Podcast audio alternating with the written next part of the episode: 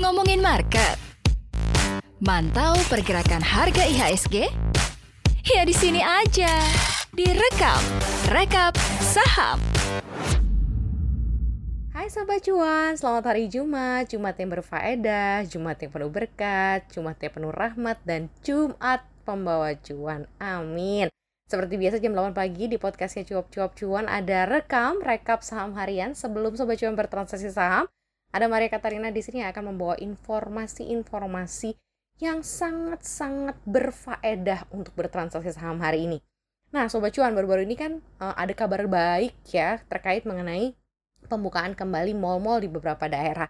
Justru nih dari hati kecilku tuh berpikir sejauh mana sih apresiasi dari investor khususnya para sobat cuan yang melirik ini sebagai opportunity apakah benar based on dari pembukaan mall ini juga bisa mendongkrak kinerja nantinya untuk mall dan kenaikan harga yang cukup signifikan. Nah, kira-kira sobat cuan melirik dan menyasar ke sana nggak sih? Nah, kita akan lihat nanti seperti apa dan kita akan jabarkan lebih detail. Tapi congratulations ya untuk IHSG setelah libur di hari Rabu, hari Kamisnya menguat dan penguatan juga didukung oleh saham-saham yang kapitalisasinya besar ya atau saham-saham yang tergabung di Liquid 45.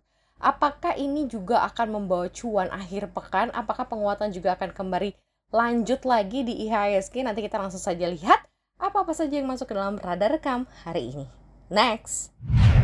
Seperti yang tadi Maria juga sudah janjikan ya untuk sobat cuan ya, karena kita akan lihat dulu saham-saham penyelenggara mall. Di sini ada Pakuwon yang kemarin terapresiasi 5,41 persen, ditutup di level 468 rupiah per saham. Di mana Pakuwon Jati ini atau Pewon tetap gencar melakukan ekspansi dengan membangun properti maupun juga pusat perbelanjaan di wilayah penyangga DKI Jakarta dan salah satunya yang ada di Pakuwon Mall Bekasi. Ini pusat perbelanjaan yang berdiri di Bekasi ini memiliki luasnya 43.000 meter persegi, di mana Direktur Pengembangan Bisnis Pakuan Jati Ivy Wong ini mengatakan bahwa saat ini pihaknya belum ada rencana untuk launching proyek barunya di dalam kota Jakarta, di mana perusahaan properti ini hanya fokus saja untuk proses konstruksi Pakuan Mall dan Pakuan Residen di Bekasi. Dan kalau dilihat berdasarkan catatan nih ya, selain Pakuan Mall Bekasi, Pakuan Residen yang berada di Mall Bekasi ini juga akan memiliki total 2.991 unit. Selain itu juga ada dua hotel yang masuk dalam pengembangan super block Pakuan atau Beka Pakuan Bekasi super block. Kalau dilihat dari labanya di 2021 kuartal 1 ini juga memang termasuk yang survive begitu ya karena perusahaan ini menganggarkan investasi sebesar 2 triliun rupiah untuk proyek Pakuan Jati Super Block di mana Pewon juga akan menargetkan pembangunan bisa selesai di 2025 mendatang. Kira-kira Sobat Cuan tahu kan mau-mau apa saja yang dinauki oleh Pakuan Jati? Benar, kota Kasablanka salah satunya ya. Apakah memang proyek ini, proyek jangka panjang ini akan menghasilkan beberapa income yang cukup berkontribusi terhadap kinerja, khususnya recurring income ya. Dan seiring dengan melandainya kasus COVID-19 dan kepercayaan diri dari para pengunjung mungkin tingkat vaksinasi yang cukup baik ini akan membawa angin segar juga untuk P1. Kita ke emiten selanjutnya. Next. Selain Pakuan ada Sumarekon Agung yang juga kemarin terapresiasi 1,34 persen atau ditutup di 755 per unit saham. Di mana pandemi COVID-19 ini memang membuat seluruh sektor bisnis mengalami hambatan ya. Sebelum pandemi kan banyak pengembang properti yang menawarkan rumah juga dengan menyasar segmen khusus milenial karena permintaan yang juga mengalami peningkatan. Tetapi menanggapi hal tersebut, dari sisi Sumarekon saat ini memiliki produk-produk properti yang dapat menjadi pilihan nih dengan konsep hunian yang cocok juga dengan segmen milenial. Nah, lebih lanjut juga Sumarekon sampai saat ini juga tidak menyediakan produk properti rumah atau apartemen full furnish khusus milenial karena melihat seleranya kan beda-beda ya, jadi nggak akan di furnish full. Jadi boleh deh tuh kalau para milenial ingin uh, punya rumah dan memang penyediaan perumahan uh, miliknya Sumarekon Agung ini cukup besar ya dan menyasar kalau sobat cuan tahu kan Sumarekon ada di mana-mana di Bekasi ada di Jakarta juga ada di Bintaro juga ada dan dia selalu membuat kota di dalam kota dan cukup berhasil sejauh ini nah beberapa mall-mall yang dinaungi oleh Sumarekon ini juga tampaknya agak-agak cukup terimbas dan efeknya memang tidak terlalu signifikan gitu dengan pembukaan mall kemarin. Walaupun kita hanya baru berjalan beberapa hari ya, terbukti juga karena apresiasi terhadap sahamnya tidak sekencang Pakuan tadi nih. Tapi ini hanya nunggu momentum sih sebenarnya karena kita bukan hanya buka mallnya aja, tetapi juga kesiapan dari tenan-tenannya untuk berjualan lagi itu penting. Karena kan orang kalau datang ke sana, kalau tenannya tutup juga ya percuma. Jadi banyak sekali sih faktor support yang dibutuhkan oleh industri retail khususnya penyelenggara mall ini di Indonesia ya. Kita doa sama-sama deh, mudah-mudahan ada titik temu yang baik dan ada lini bisnis yang bisa dikembangkan lainnya nih khususnya di sektor properti dan juga penyedia mall. Oke, kita ke info selanjutnya. Next. Kita ke sektor konstruksi deh. Perusahaan infrastruktur dan konstruksi BUMN Waskita Karya WSKT memastikan proses investasi atau divestasi sebanyak 5 ruas tol ini akan selesai jelang akhir tahun.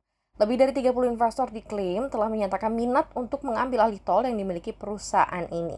Direktur Utama Waskita Karya Destiawan Suwaryono mengatakan bahwa total rencana divestasi 8-9 ruas tol ini diharapkan perusahaan akan mengantongi 10 triliun, di mana hingga 2021 perusahaan telah merealisasikan selain 6,8 triliun rupiah atau 68 persen dari target. Adapun 9 ruas tol yang memang direncanakan untuk didivestasi ada Medan Kuala Namu, Tebing Tinggi, Kuala Tanjung Tebing Tinggi, Parapat, Cibitung, Cilincing, Cinere Serpong, dan Bogor, Ciawi, Sukabumi. Dan selanjutnya ini juga ada Depok Antasari, Pemalang Batang, Batang Semarang, Krian Legundi, Bunder, Manyar. Dan untuk ruas Medan Kuala Namu Tebing Tinggi juga sudah rampung di April 2021 lalu dengan perolehan 824 miliar rupiah. Lalu ruas Batang Semarang dan Cinere Serpong juga sudah selesai di Juni 2021 lalu senilai 3,57 triliun rupiah.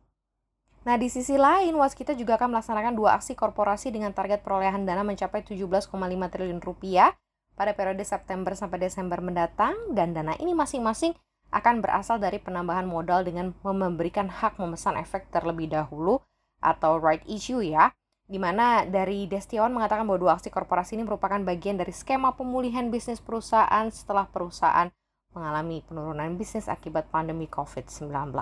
Penambahan modal ini juga merupakan bagian dari suntikan modal dari pemerintah kepada Waskita dalam bentuk PMN atau penyertaan modal negara senilai 7,9 triliun di tahun ini. Dan total yang diharapkan nanti dari hasil aksi korporasi ini mencapai 11,9 triliun rupiah atau mendekati 12 triliun di mana dana dari hasil penambahan modal akan digunakan kembali untuk menyelesaikan tujuh ruas tol yang diinvestasikan oleh perusahaan. Sedangkan dari penerbitan obligasi dan dilaksanakan lebih cepat pada bulan September 2021 dengan nilai yang ditargetkan bisa mencapai 5,6 triliun rupiah. Uh, kita doakan ya ini untuk was kita ya dan juga emiten konstruksi lainnya yang memang agak cukup berdarah-darah nih ya di tahun ini karena proyeknya mungkin nggak bisa mulus berjalan tapi kita doakan bersama semoga berbagai macam pembiayaan pendanaan dan juga aksi korporasi ini bisa berakhir baik baiklah pokoknya buat semuanya ya kongres deh buat was kita dan juga sukses Nah Sobat Cuan segitu aja sarapan paginya tipis-tipis bermanfaat ya sebagai bekal juga dan pondasi juga untuk melakukan transaksi hari ini. Pastikan dengerin kita terus ya di Spotify, Apple Podcast, dan juga Google Podcast. Follow akun Instagram kita gampang banget, langsung saja follow di @cuap underscore cuan. Jangan lupa juga untuk selalu subscribe YouTube channel kita di Cuap Cuap Cuan. Dan untuk tahu lebih detail informasi seputar dunia bisnis dan investasi, berselancarlah di www.cnbcindonesia.com. Thank you banget Sobat Cuan udah dengerin Maria cuap-cuap pada pagi hari ini. Semoga sukses semuanya. Jangan lupa sarapan ya. I love you all. Sampai jumpa Senin. Happy weekend. Bye-bye.